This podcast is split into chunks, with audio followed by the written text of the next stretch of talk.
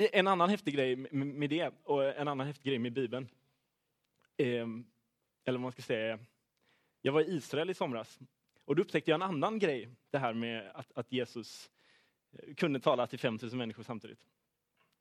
Är det någon här som har varit i Israel? Ingen som har varit i Israel? Ja, en person. Eh, och då är det Galileiska sjön. Den liksom ligger där, fin och spegelblank. Och sen på vissa eh, sidor om den så är det kullar upp. Och de går liksom väldigt symmetriskt, eller vad man ska säga. De liksom, jag vet inte hur jag beskriva det, men det är liksom kullar som går upp så här. Ungefär som en liksom, teaterläktare. Och det är väldigt, väldigt bra akustik där. Så står man längst ner, alltså ungefär vid sjön, liksom, och talar uppåt, så sprider sig ljudet jättebra. Och vi var på ett ställe, Eh, vi stod högt upp på en, på, på, liksom på en klippa. Och det stod eh, en man långt, långt ner, alltså flera hundra meter bort, och läste ur Bibeln.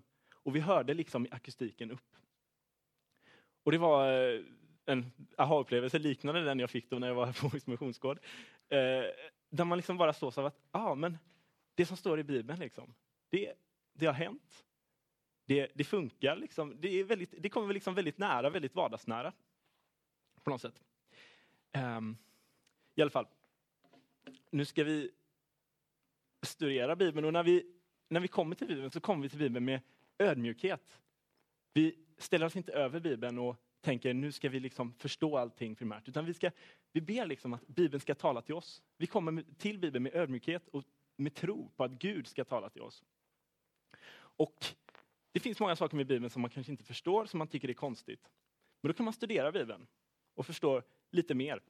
För det är ganska förklarligt att vi inte förstår allting. För den har, Bibelns böcker, 66 böcker, Eh, de har tillkommit under tusentals år och liksom är väldigt, i historiska situationer som är väldigt olika varandra. Människor som på ett sätt är väldigt lika oss själva, men också på ett sätt tänker på ett väldigt annorlunda sätt. Då kan man behöva förstå de här historiska situationerna, studera dem för att förstå vad Bibeln handlar om.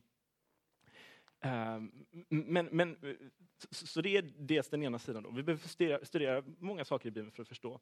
Men samtidigt är det, som jag sa, ehm, eftersom vi kommer till Bibeln med en tro, med ödmjukhet att, att Gud ska tala till oss, så är på ett sätt alltid Bibeln klar för oss. För att Gud kan alltid tala till oss. Vi kan alltid läsa Bibeln och förstå på ett sätt. Liksom, vi kan alltid komma nära Gud, vi kan alltid komma till den klarhet som också finns. Um, och temat för det här lägret är Guds trofasthet. Och jag ska tala om Guds trofasthet i Gamla Testamentet. Um, Och om man, om man säger generellt så kan man säga så här, att Gamla Testamentet, det förstår man utifrån Nya Testamentet. Det kan man säga som en princip. Liksom. Man kan läsa Gamla Testamentet till sig själv och förstå väldigt mycket och liksom se vissa linjer och så vidare. Men bara på det som eh, Andreas sa i förmiddags, det här att det finns en Messias som ska komma och profeterna talar om det och så vidare. och så vidare. Det förstår man ju först efter att Messias har kommit, eller hur? Det blir ju klart efteråt. Det fanns en kyrkofader som hette Augustinus. Han sa Novum testamentum in vetere latet vetus, testamentum in novopatet. Eller hur? Det är verkligen... Det betyder att Nya testamentet är gömt i Gamla testamentet. Alltså det Nya testamentets budskap finns hela tiden i Gamla testamentet. Men Gamla testamentet, det uppenbaras, det blir tydligt i Nya testamentet. Så det finns liksom ett samband, det finns en enhet. Och hela Bibeln är liksom en enhet. Det finns en linje. Och det finns, Gamla testamentet i sig själv är enhetligt. Böckerna hänger ihop. Nya testamentet i sig själv är enhetligt. Böckerna hänger ihop. Och Gamla och Nya testamentet tillsammans hänger ihop. Och det är faktiskt en fantastisk värld att upptäcka Bibeln. Ehm, och jag tror inte alltid att vi förstår Bibelns enhet, att, hur Bibeln hänger ihop. Och Det kan bero på många olika saker. Det kanske är så att vi läser Bibeln lite varje dag, säger ett stycke varje dag. Och ni vet, det blir lite i taget, lite i taget, lite i taget. Och, och, och, och det är jättebra att göra det, men vi förstår inte alltid då att allting hänger ihop. Om, om vi hade läst en vanlig roman, till exempel, jag vet inte, någon Henning Mankell-roman kanske, jag vet inte om ni läser det, men Eh, jag läser inte själv det, men eh, ja, det finns ju folk som läser det i alla fall. Och de, de, säg att de hade läst ett i taget, liksom. ett stycke i taget Henry Mankells roman. Alltså de kanske till slut hade de kommit fram till slutet och liksom, jaha, just det, Ja, här hittar de en mördare. Ja, ja vad var det för något mord nu igen? Ja, ni vet. Man, man ser inte sambandet, för man kanske läser lite i taget. Det är också så att om man går i tror jag också är en av anledningarna till att vi inte alltid förstår att Bibeln är en helhet, liksom en enhet. Det är att om man går i Svenska kyrkan, jag vet inte hur många, eh, hur, hur många här går i Svenska kyrkan sådär då och då? Liksom? Ja, ganska många. Så är det ju så att varje söndag har ett tema, till exempel eh, medmänniskan kan någon söndag ha som tema. Och då är det liksom texter från Bibeln därifrån. Men de är ju liksom hoppa, plockade lite här och varifrån. Och det, det, är ju liksom inte fel att, att, läsa texter om medmänniskan någon söndag. Kanske någon annan söndag så kanske man läser texter om eh, eh kärlek eller någonting. Eh, eh, men, men, men lite känslan man får i det kan ju ibland vara att, aha, det är liksom kärlek det finner man där och där och där. Medmänniskan det finner man där och där och där. Och man kanske inte riktigt ser att det finns en enhet i Bibeln. Är ni med mig? Eller hur? På grund av hur vi ofta läser Bibeln. För, alltså, och det, det, är inte så konstigt. Bibeln är stor, det är många böcker, det är många sidor och det är svårt att läsa rakt igenom. Men jag vill ändå liksom slå ett slag för det. Jag hoppas att jag kan visa på det också nu på förmiddagen här, att det finns en enhet i Bibeln. Det finns en linje. Um, och det är, inte, det är inte din uppgift som liksom enskild kristen att, att veta allting om Bibeln. Du behöver inte känna den pressen. Åh, jag, måste, jag vet så lite. Och jag vet så lite och jag vet så lite och jag måste veta mer. Du behöver inte, du behöver inte känna den pressen. Framförallt ska din pastor eller din präst, han ska känna den pressen. Men, men du, behöver inte, du behöver inte känna den pressen så mycket.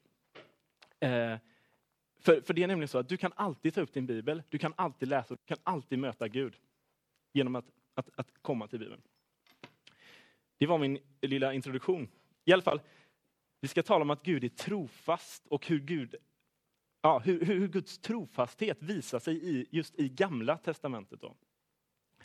Um, här står det ett vattenglas. Är det så att säga rent vatten? Det, det är check. Ja. Mm. Och då kan man fråga sig så här, ja Gud är trofast liksom. Ja men vad är han trofast emot? Vad är han trofast till? Hur, liksom, vad innebär det att Gud är trofast? Om jag säger så här till exempel att David här, du heter David väl? David, han är trofast. Okej, okay. det, det, betyder ju någonting i förhållande till någonting annat, eller hur? Det är inte så att David han är trofast, så han är bra på bowling, eller något i den stilen. Eller han, David är trofast, så han rider varje dag med sin häst, kloppeli-klopp, klopp. Det, det är inte så, utan det betyder no någonting väldigt tydligt, någonting i förhållande till något annat. David är trofast, så jag vill bara att ni ska veta att när han säger någonting, då kan vi lita på honom. När han säger jag vill hjälpa dig, så kan vi lita på honom. Och så vidare. Och så vidare. Um, och Gud, han är trofast på flera sätt. Och jag skulle vilja dela upp det i, i, på, på, två sätt i Gamla testamentet. Och det, det, här är väldigt konstruerat. Det är jag själv som har uh, gjort den här konstruktionen. Så jag, men, men jag, jag, tror att den, den, är pedagogisk för att förstå. Dels är han trofast på ett ganska så allmänt sätt, som, som vi ofta erfar honom. Han är trofast för att han älskar oss, för att han, han alltid vill så gott för oss. Han han är trofast för att han till exempel, det här som eh, eh, Andreas läste i morse, att han redan från början lovade att ta tag i synden, att ta tag i ondskan, att utplåna ondskan, att döda döden och så vidare. Och så vidare. Alltså han är trofast på det sättet mot sin skapelse, mot oss som han älskar. Det är en sida, den, och den, den sidan ser vi i både gamla och i nya testamentet. Um, och sen så finns det, är Gud trofast på ett väldigt specifikt sätt i gamla testamentet som återkommer i alla böcker och som behandlas på olika sätt i, i, i, i, i alla böcker. Och Det handlar om att Gud är trofast till det förbund som han har slutit. Och till de förbund, men det är egentligen det är samma förbund, men Gud är trofast till sitt förbund som han har slutit med sitt folk.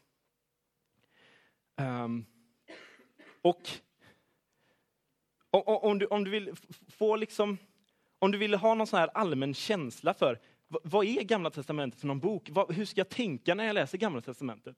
Så ha det här ordet förbund i bakhuvudet hela tiden. Gud har slutit ett förbund med sitt folk och med olika individer. Vad är ett förbund egentligen? Det kan man ju först kanske vara bra att fundera över det. Det är kanske inte är ett ord som vi använder så mycket längre när vi inte är lever på 1800-talet längre eller något i den stilen. Det kanske känns som att det är ett gammalt ord. Men, eh, vi säger till exempel tyska förbundsrepubliken, eller hur? Tyskland, vi säger Tyskland, men egentligen heter Tyskland Tyska förbundsrepubliken. Det är massa olika eh, små, vad säger man? Jag kommer inte ihåg vad det heter. Eh, typ småstater i Tyskland, eller hur? Som är sammanslutna och tillsammans bildar en förbundsrepublik. En republik där man har där massa olika stater tillsammans hjälper varandra, stöttar varandra och så vidare. Och så vidare. Um, vi har till exempel Svenska idrottsförbundet. Det är massa olika lokalavdelningar, till exempel fotbollslokalavdelningar som tillsammans har en gemens, ett gemensamt förbund där varje enskild eh, klubb, liksom, idrottsklubb, behöver inte kämpa med allting själv. Liksom. Utan de kan få hjälp från sitt förbund som då är en sammanslutning av alla föreningar. Poängen är att en, eh, ja, två går samman, eller många går samman i ett förbund för att hjälpa varandra. Tillsammans är vi mycket starkare än, än, eh, än ensamma. En annan sak som är ett förbund som ändå väldigt, väldigt många människor idag eh, ingår i, och som säkert många av er, de flesta av er kanske kommer ingå i någon gång, det är äktenskapet. Äktenskapet är ett förbund som för övrigt är förordnat av Gud också. Gud har sagt att vi ska ingå äktenskap, eller han har välsignat det i alla fall. Ehm, där två individer går samman och tillsammans så blir de starkare, mycket, mycket starkare än vad de hade varit enskilt. Tillsammans så kämpar de med problem, tillsammans så hjälps de åt. Ett, ett, ett, ett förbund. Ni är med på den? På förbund? Ja. Och Gamla testamentet de har flera förbund, inte bara där Gud ingår, ingår förbund, utan även mänskliga förbund. Jag ska bara nämna tre stycken.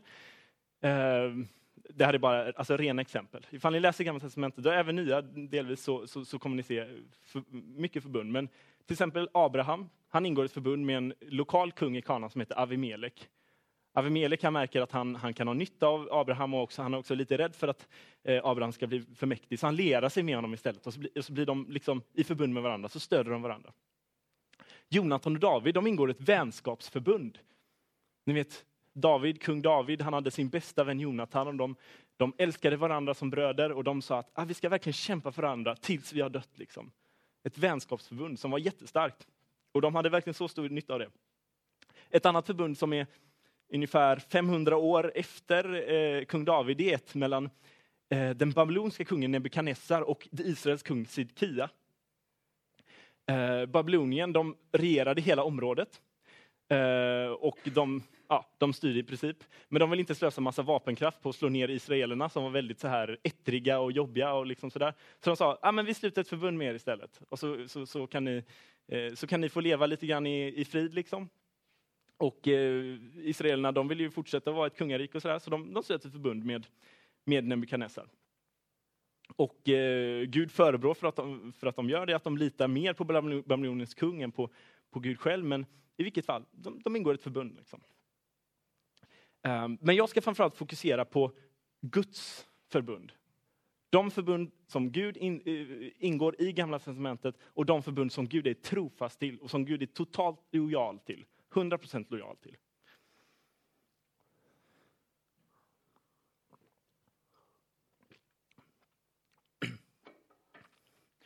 Um, och jag kommer ta upp Guds förbund med Noa, Guds förbund med Abraham, Guds förbund med Israels folk eh, på, vid Sinaiberg. Och det som Gamla testamentet också talar om, det förnyade förbundet, eller det nya förbundet som eh, eh, en av profeterna kallar det. Ehm. innan vi går in på de här olika förbunden så kan man bara fråga sig, vad är poängen med att Gud ingår förbund med människor? Vad är poängen med att Gud ingår förbund till exempel med Noa, eller Abraham eller Israels folk? Poängen är att Gud är trofast mot sin skapelse, trofast mot eh, eh ja, i, sin vilja liksom att utplåna synden, att utplåna ondskan. Och då väljer han redskap, förbundsförvanter eh, liksom, som eh, står med honom och i, i, kampen mot ondskan på jorden. Um, och det finns en parallell till oss idag. Ni vet, vi är kristna. Vi tillhör Kristi kropp, vi tillhör kyrkan. Och vi är på ett sätt i förbund idag med Gud.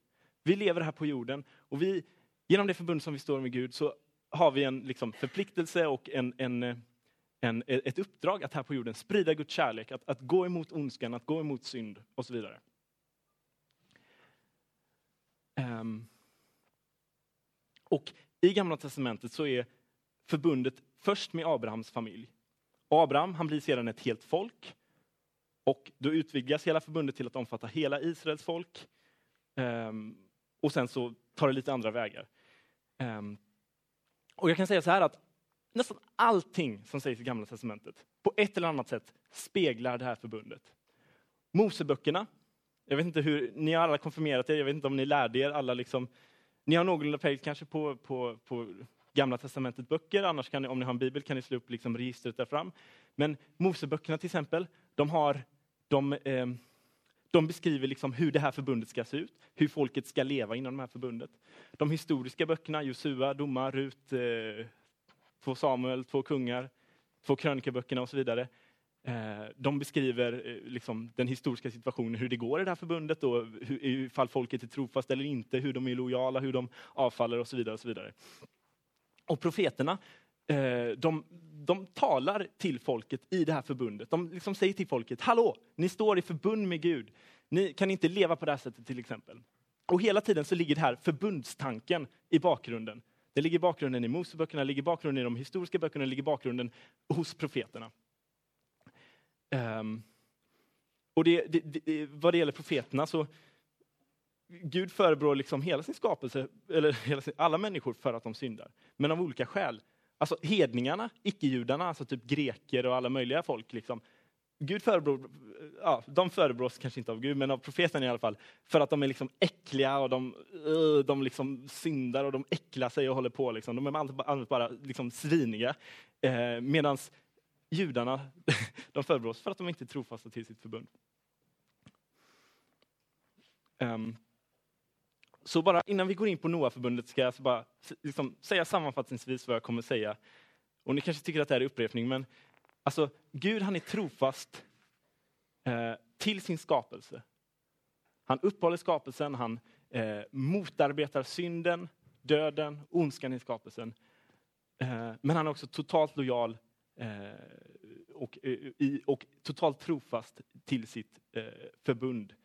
Ehm, och målet med det här förbundet som man sluter med Israels folk, är att ta itu med ondskan eh, och, och liksom frälsa världen. Och som jag sa, det är en, det är en väldigt, allt det här är en väldigt viktig bakgrund till eh, oss när vi läser Bibeln, men också när vi, Gamla Testamentet, men också när vi läser Nya Testamentet.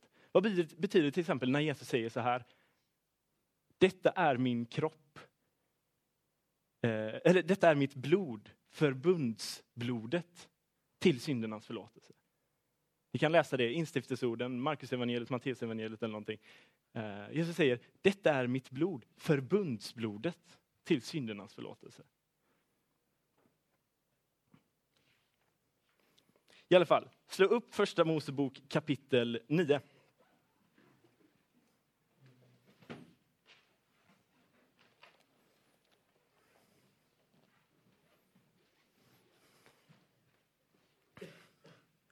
Förbundet med Noa det är ett ganska så allmänt förbund som Gud sluter. Eh, det står inte att det är just med Israels folk, utan det verkar som att det är på ett sätt till hela skapelsen. Och den historiska bakgrunden till det här förbundet, det är människosläktets successiva förfall. Eh, synden har kommit in i världen och människorna hänger sig mer och mer åt, åt eh, eh synden. Liksom.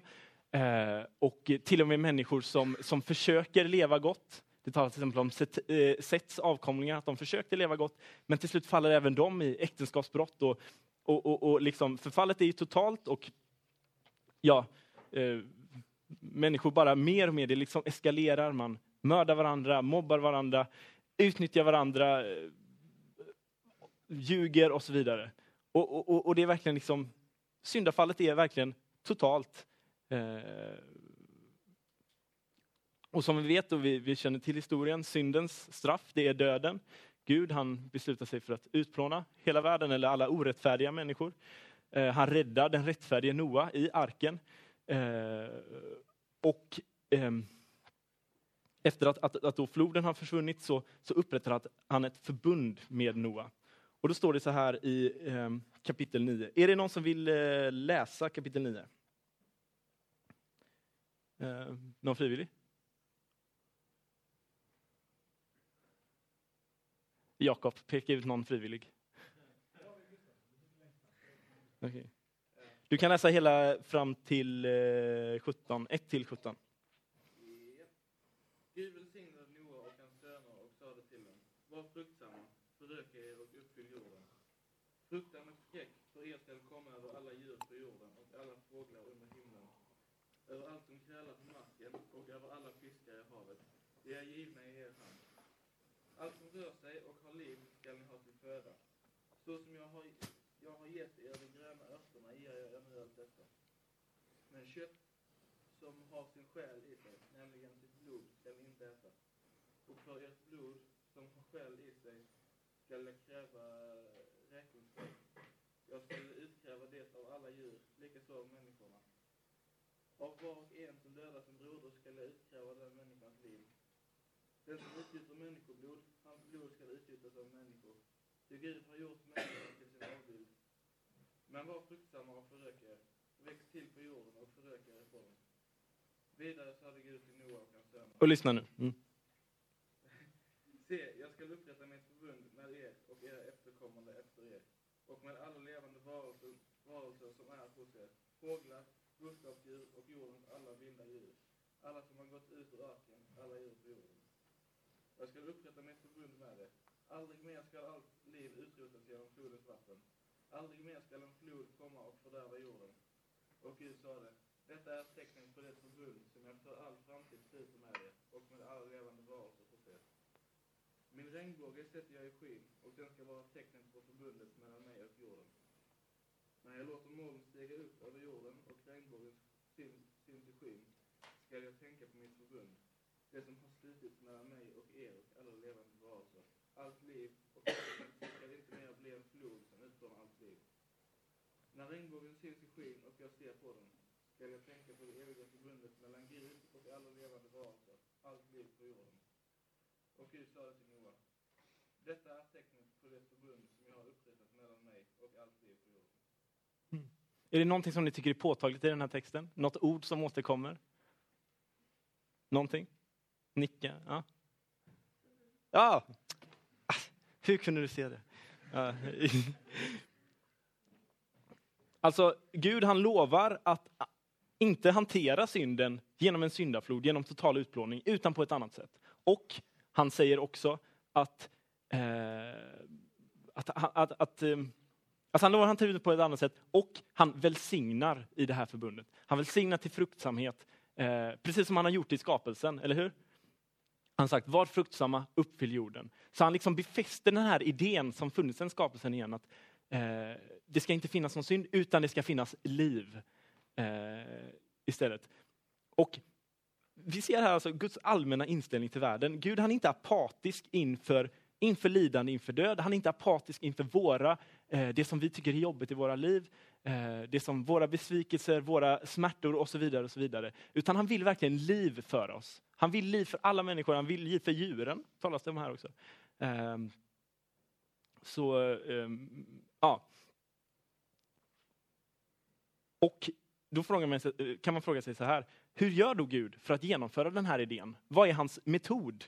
Men här, här upprättar han ett förbund med skapelsen. Han säger, jag ska inte utplåna er på samma sätt eh, igen, utan jag ska ta hand om synden på ett annorlunda sätt. Och jag vill välsigna er, jag vill ge liv eh, till världen.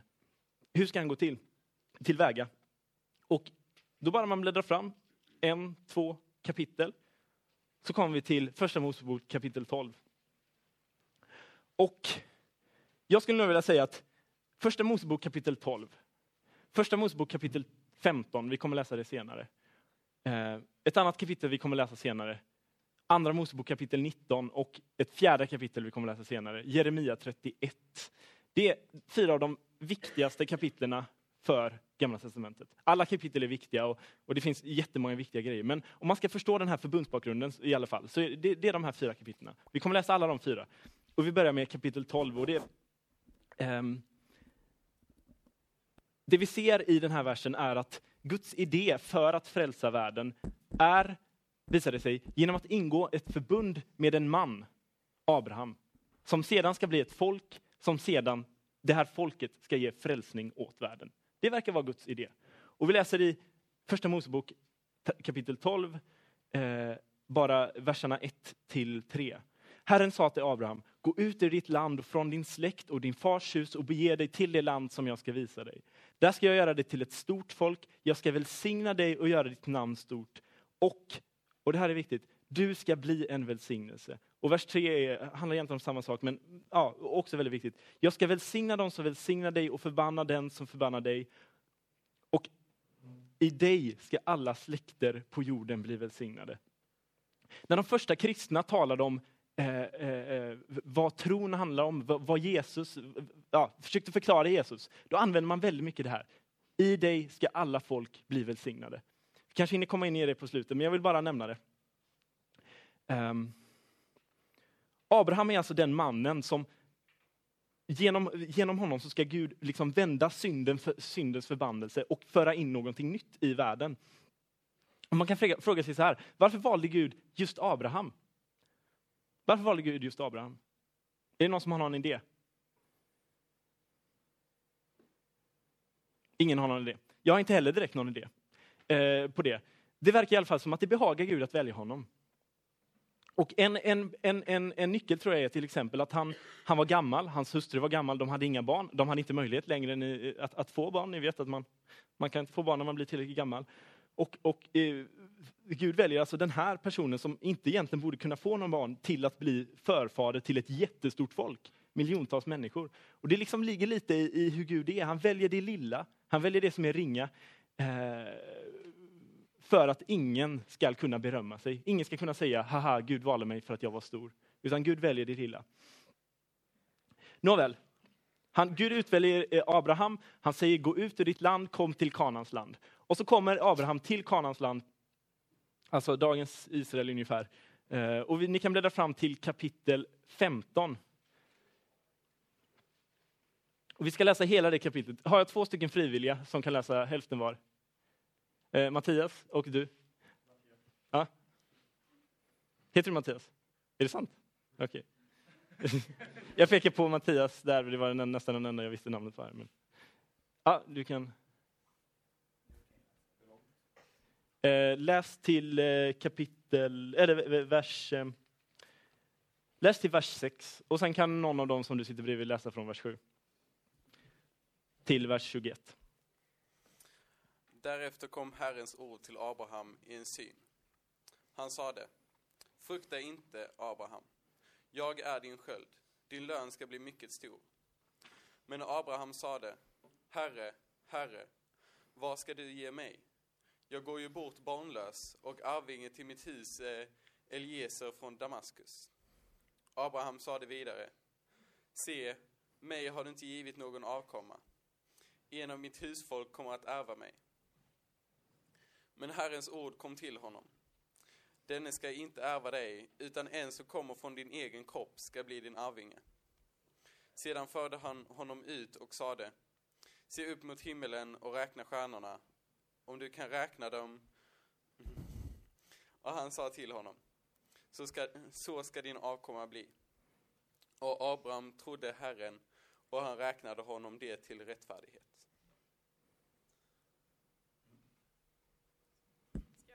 Ja, visst. Gärna. Eh, sen sa han till honom. Jag är Herren som har fört dig ut från det kaldeiska ur för att ge dig detta land till arvedel. Han svarade. Herre, Herre, hur ska jag veta att jag kommer att ärva det? Då sa han till honom. Hämta åt mig en treårig kviga, en treårig get, en treårig bagge, en turturduva och en ung duva. Han hämtade alla dessa åt honom och styckade dem mitt i tu och la styckena mot varandra. Men fåglarna styckade han inte, och rovfåglar slog sig ner på de döda kropparna, men Abraham drev bort dem. När solen höll på att gå ner föll en tung sömn över Abraham. Och se, då kom skräck och ett stort mörker över honom.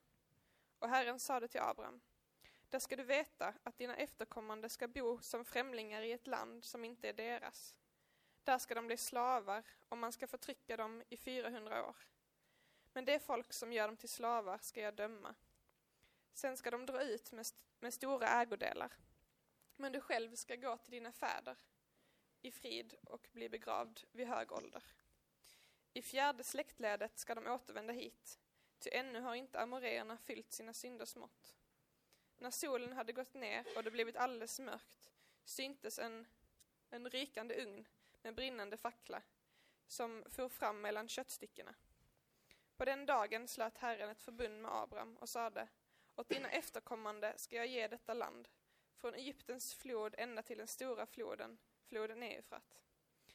Keni, keniternas, eh, kenis, kenisiternas, kadmoreernas, het, hetiteernas, hetiternas, periseernas. Ja, det är en massa folk Ja. där. Eh, Olika folkslag som bor i det landet. Vad var det du hette? Louise. Louise. Um,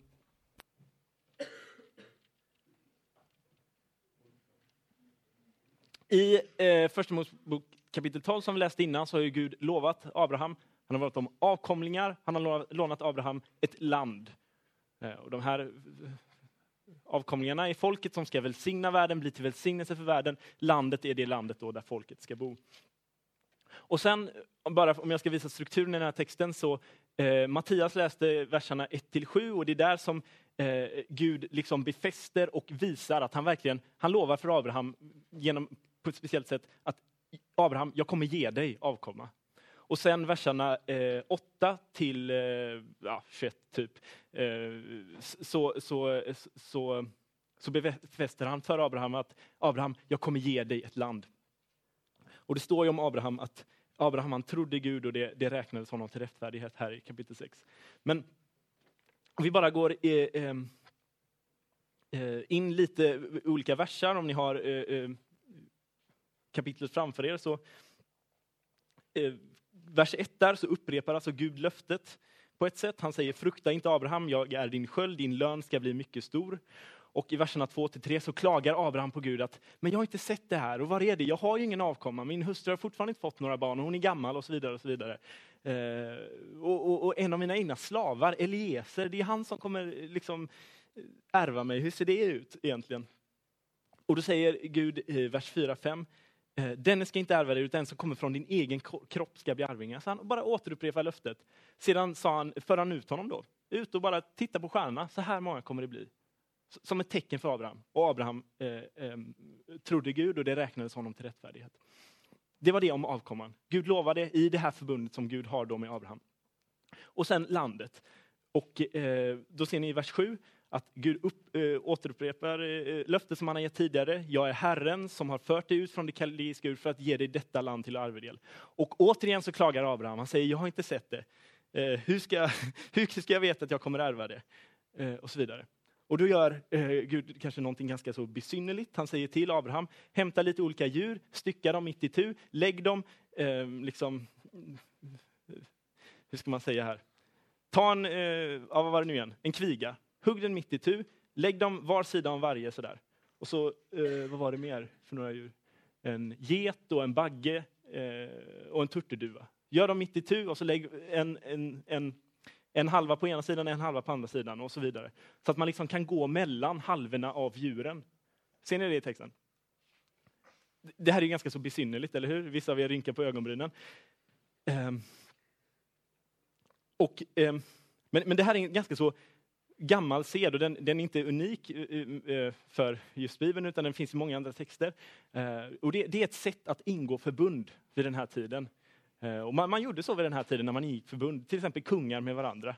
Och det man, man visar då är så här, ja, nu ingår vi förbund med varandra.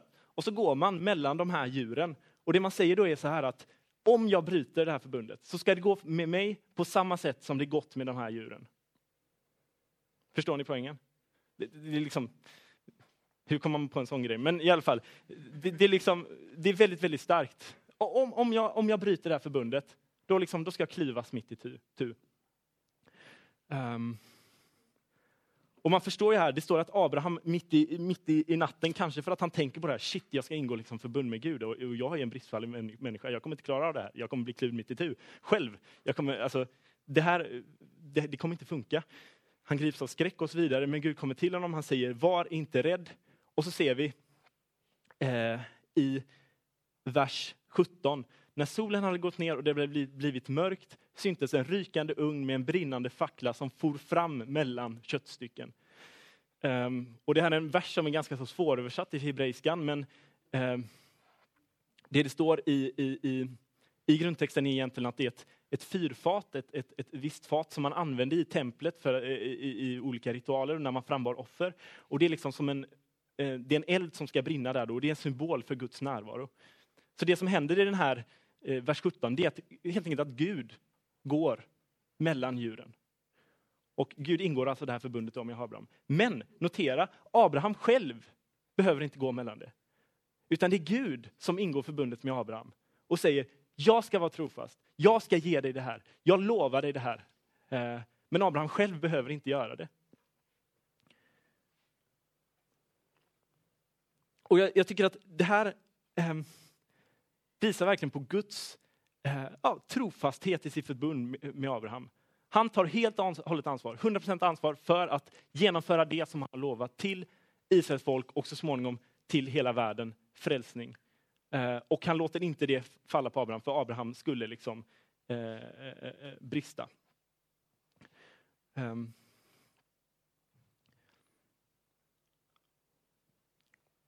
En, en, kort poäng jag bara eh, eh, ska göra innan vi ska ta paus är att eh, Ehm, Paulus i Romarbrevet 4, när han talar om trons rättfärdighet och inte lagens rättfärdighet. Han gör en väldigt stor poäng just av Abraham. Abraham är ett exempel på en människa som såg och hoppades och väntades på det som Gud hade utlovat honom, väntade på det i tro. Och det, det, det är liksom en, Abraham är verkligen en bild för trons rättfärdighet. Um, ja, ni kanske hoppas att ni inte har blivit för förvirrade, att ni har sett någon typ av linje. Vi, eh, vi ska ta en, en, paus här, jag vet inte om det blir något käk eller någonting. Eh, emellan. Nej, det blir det inte. Ni ska bara, ni ska inte göra någonting. Eh, men eh, efter, efter pausen så kommer jag fortsätta med förbundet som Gud ingår med folket på Sinai och sen ska jag förklara linjen Noa, Abraham, folket och sen det nya förbundet.